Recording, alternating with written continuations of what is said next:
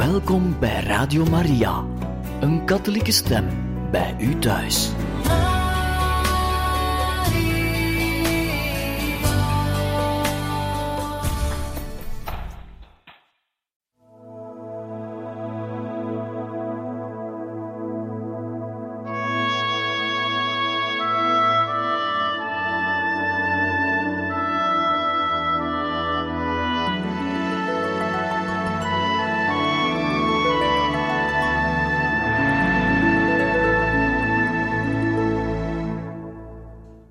Vrienden, beste luisteraars, wij gaan weer verder met het voorlezen uit het levensverhaal van de heilige Pierre-Julien Aymar, de apostel van de Eucharistie, uit het boek met de titel Morgen zal het te laat zijn.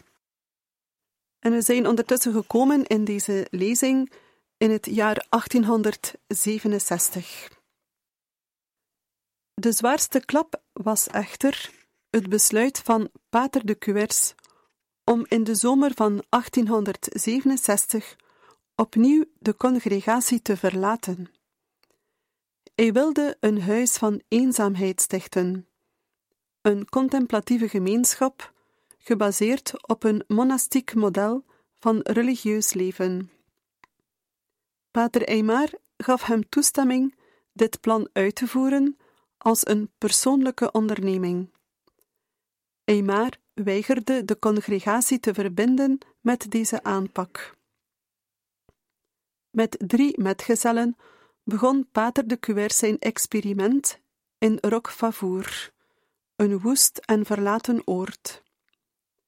Ze leefden armoedig, vaak met weinig te eten en zonder geld.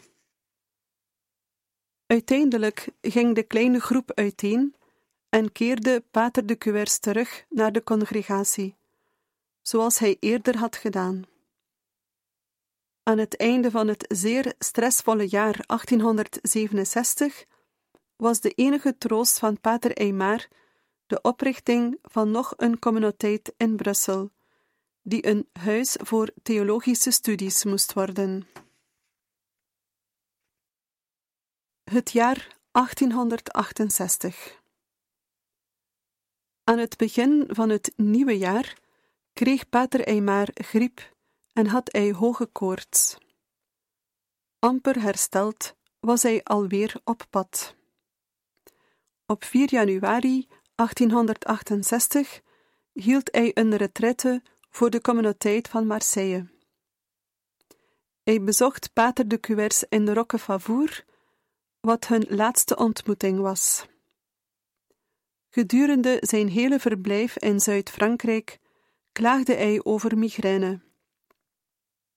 Hij keerde terug naar Parijs na een verblijf van enkele dagen in Lamur. Half maart was hij in Angers, waar hij twee keer per dag preekte, ook al konden zijn benen hem nauwelijks dragen. Tegen het einde van die maand gaf hij weer een retraite deze keer in Gent in België. Ten slotte nam hij wat tijd voor zichzelf en deed een retraite in het noviciaat in Saint-Maurice. Uit zijn aantekeningen blijkt dat zijn ziel in angst leefde, terwijl hij terugblikte op belangrijke momenten in zijn leven. De toestand van mijn ziel nu al drie jaar zo bedroefd, zo verdrietig, zo verlaten. Onze lieve Heer heeft mij geroepen tot zijn Eucharistische dienst, ondanks mijn onwaardigheid. Hij heeft mij uitgekozen te werken voor zijn congregatie, ondanks mijn onbekwaamheid en mijn zwakke gezondheid. Hij heeft me geleid van de dood naar het leven van de congregatie. Dood voor de Maristen, zo pijnlijk. Dood bij de ontvangst door de aartsbisschop van Parijs na dertien kwellende dagen. Dood voor mezelf toen ik in de steek werd gelaten en alleen achterbleef. Dood in Parijs toen de kardinaal van ons af wilde komen dood in Rome ter gelegenheid van het decreet. De meest schrijnende dood van alle, de scheiding van mijn eerste metgezel. Dood door het verlies van achting van de bisschoppen wegens Nemoer. Verlies van achting van mijn eigen broeders wegens. Mijn geestelijk leven is zwak, ziekelijk, opgedroogd in mij, en dat al sinds lange tijd. Wanneer er beproevingen van buitenaf of van binnenuit kwamen, gaf een kwartier voor het heilige sacrament mij kracht en kalmte. Maar nu laten uren aanbidding mij troosteloos achter. Eimar maakte zich de gebeden uit de Heilige Schrift eigen. Die openbaarden en voeden zijn ziel. Mijn hart verlangt ten diepste naar God. De profundis clamavi. Uit de diepte roep ik. Uit Psalm 130. Mijn kracht is opgedroogd als een potscherf. Psalm 22. Gezegend zij God, want Hij heeft mijn gebed niet afgewezen en zijn trouwe liefde niet van mij weggenomen. Uit Psalm 66.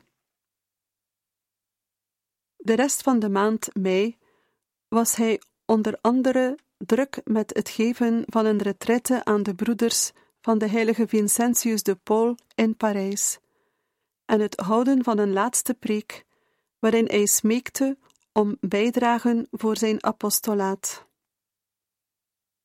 Ik preekte in Notre-Dame de Victoire ten behoeve van het Eerste Communieproject. Inzameling 450 frank.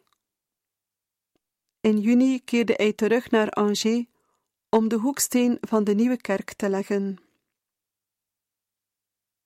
Deze wervelwind van activiteiten bleek te veel.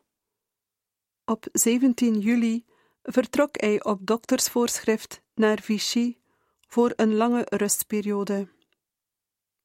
Het kuuroord van Vichy, dat dateert uit de Romeinse tijd, stond bekend om zijn waterbehandeling voor spijsverterings- en leverkwalen.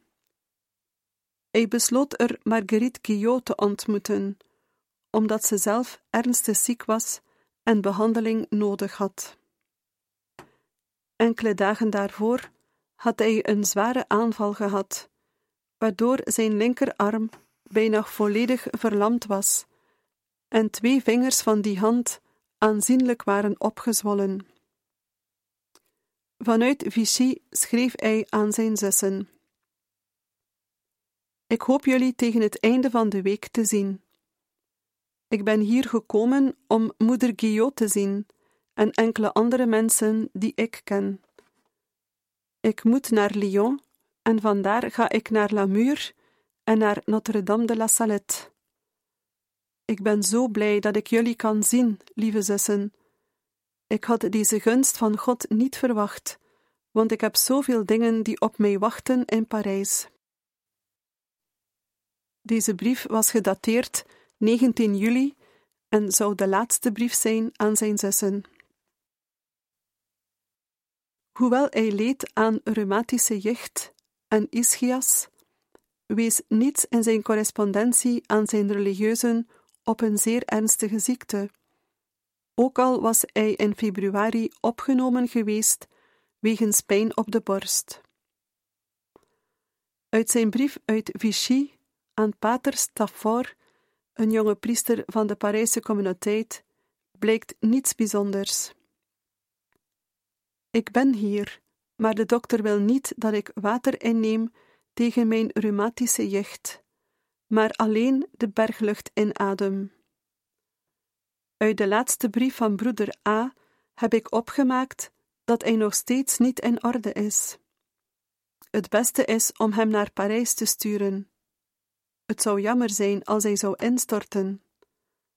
Adieu, bid voor mij. Ik ga proberen mijn retraite te doen in Notre-Dame du Lot, mijn heiligdom van genade. als mijn reumatiek mij een beetje respijt geeft. PS.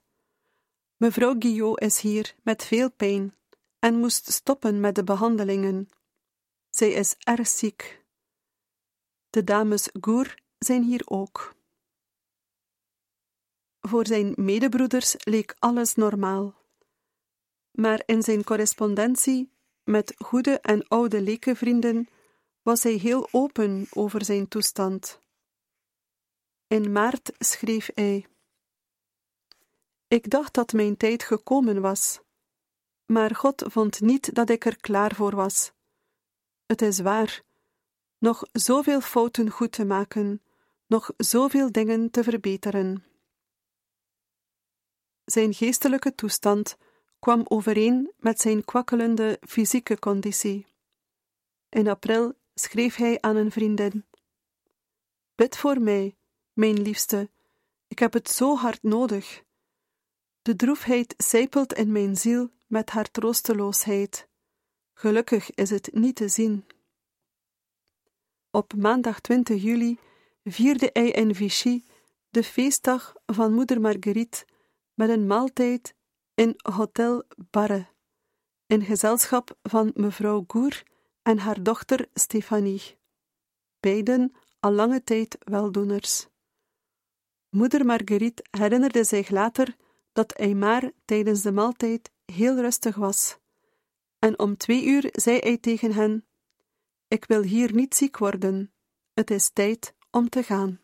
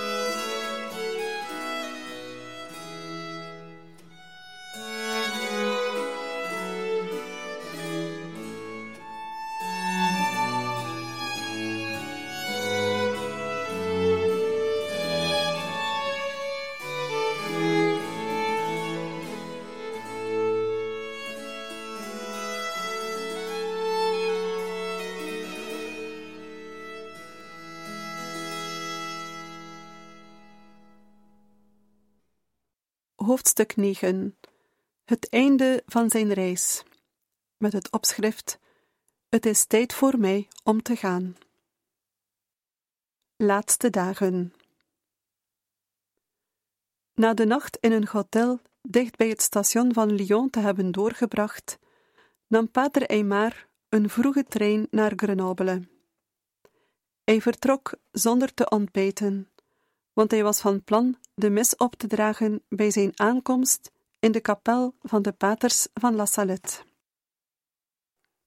Gelukkig ontmoette hij bij het verlaten van het station van Grenoble een oude vriend, Pater Baar, een diocesaan priester die met hem meeliep naar de kapel nadat hij een plaats had geregeld in de koets naar Lamur.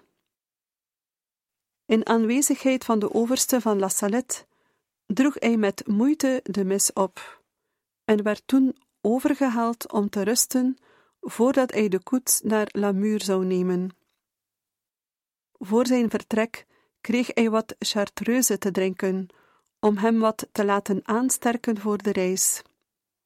Hij verliet de kapel rond half twee.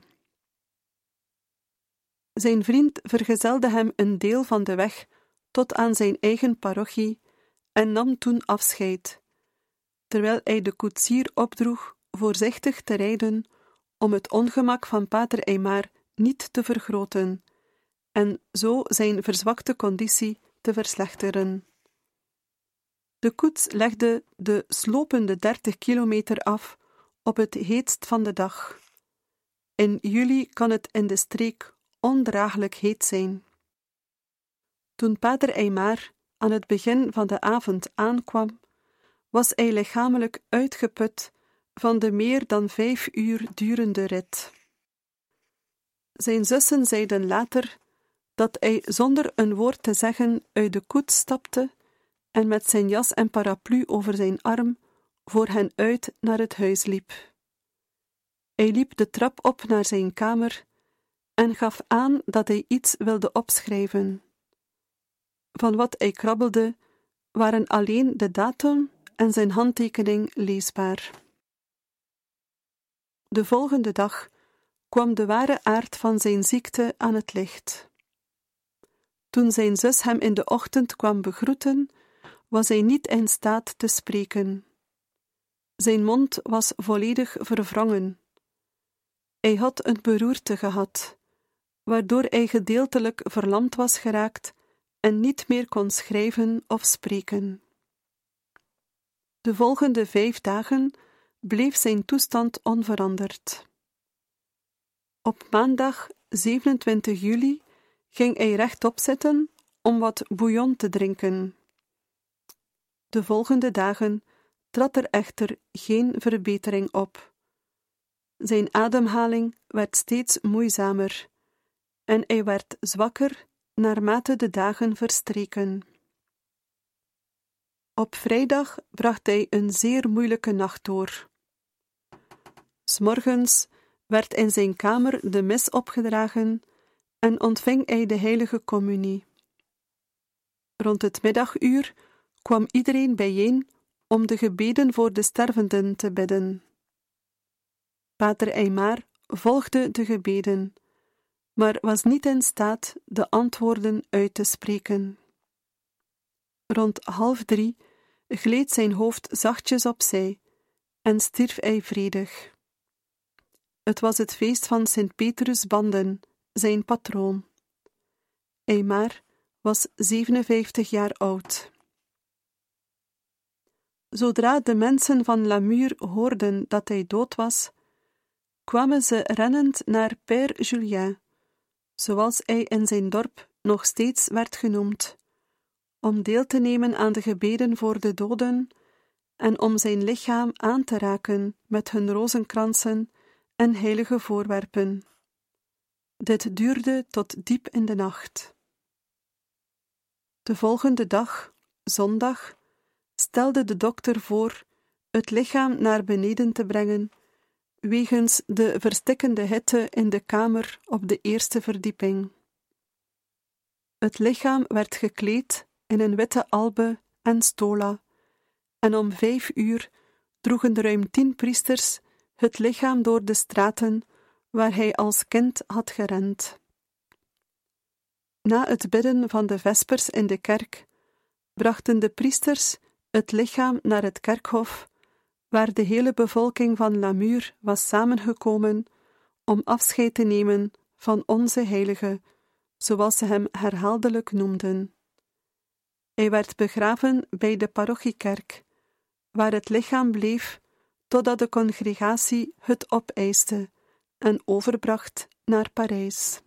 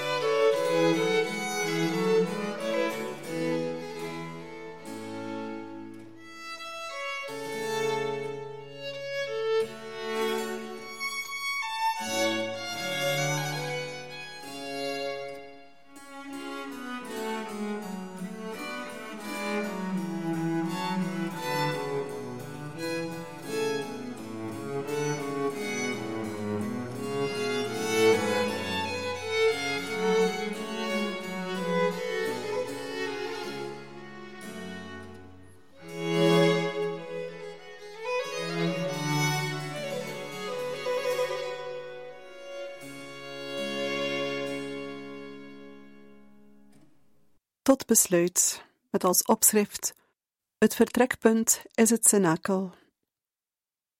Vandaag onderweg zijn. Pierre-Julien Aymar was een gedreven man.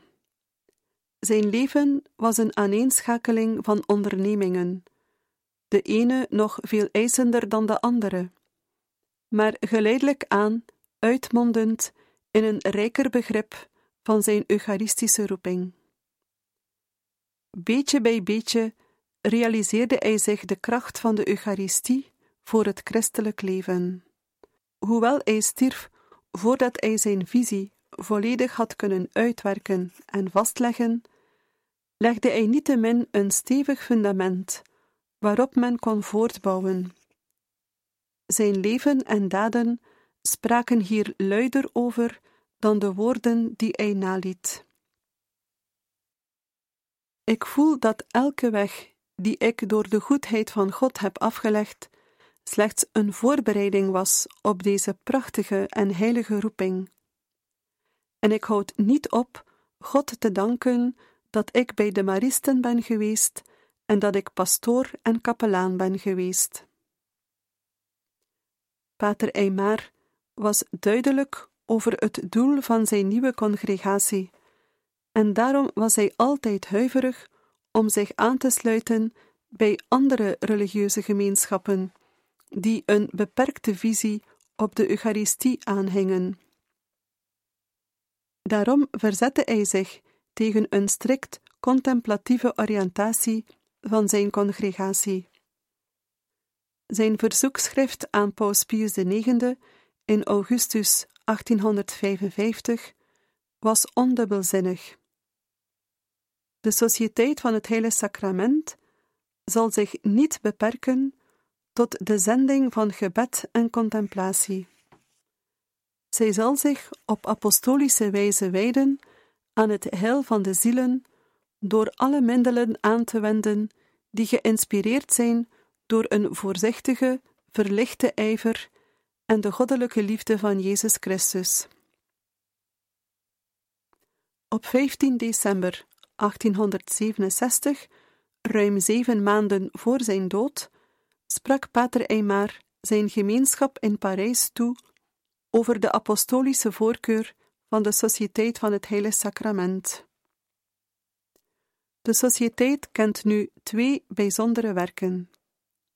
Ze zijn goedgekeurd in het decreet van goedkeuring van de Sociëteit, de eerste communie van arme kinderen en het werk voor de heiliging van priesters.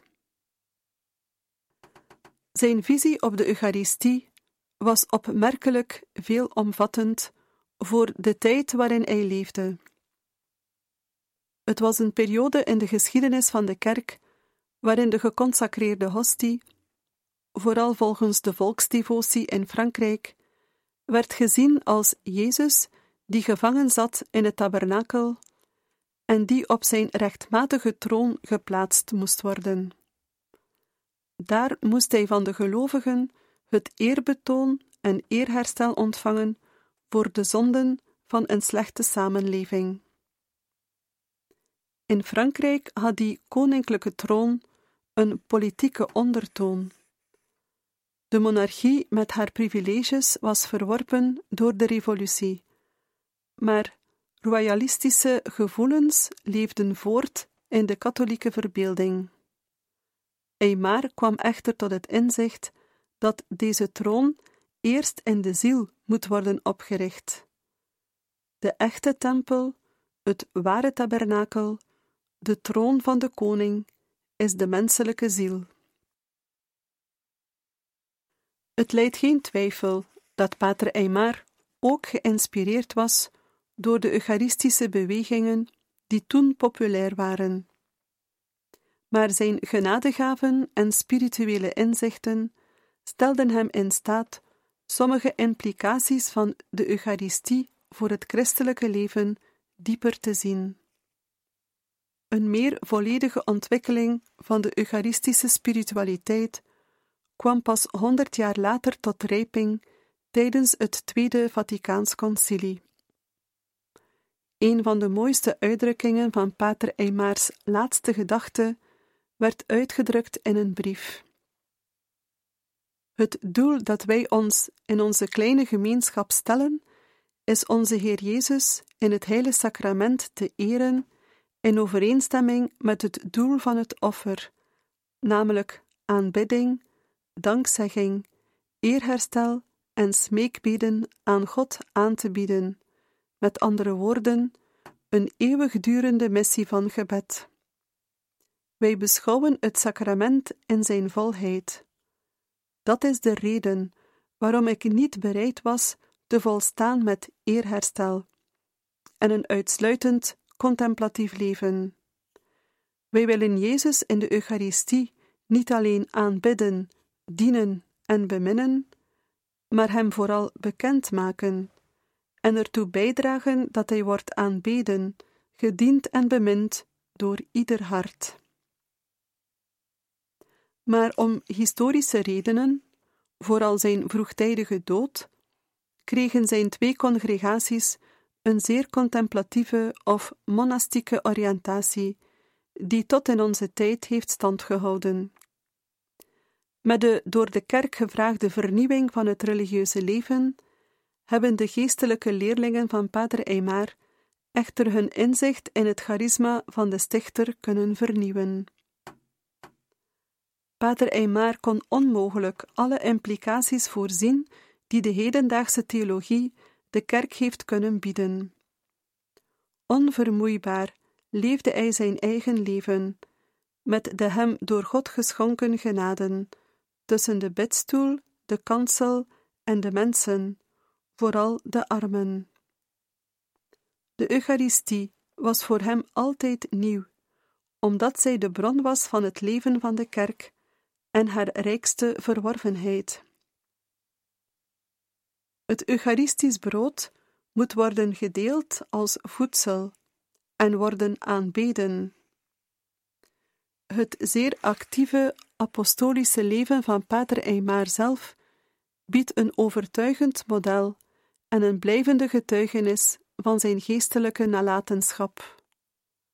Zoals zijn gebed essentieel was voor zijn innerlijke leven, zo was het apostolaat het centrum van zijn priesterlijk leven. Was zijn gebed de warmte van het vuur, zijn apostolaat was de vlam ervan.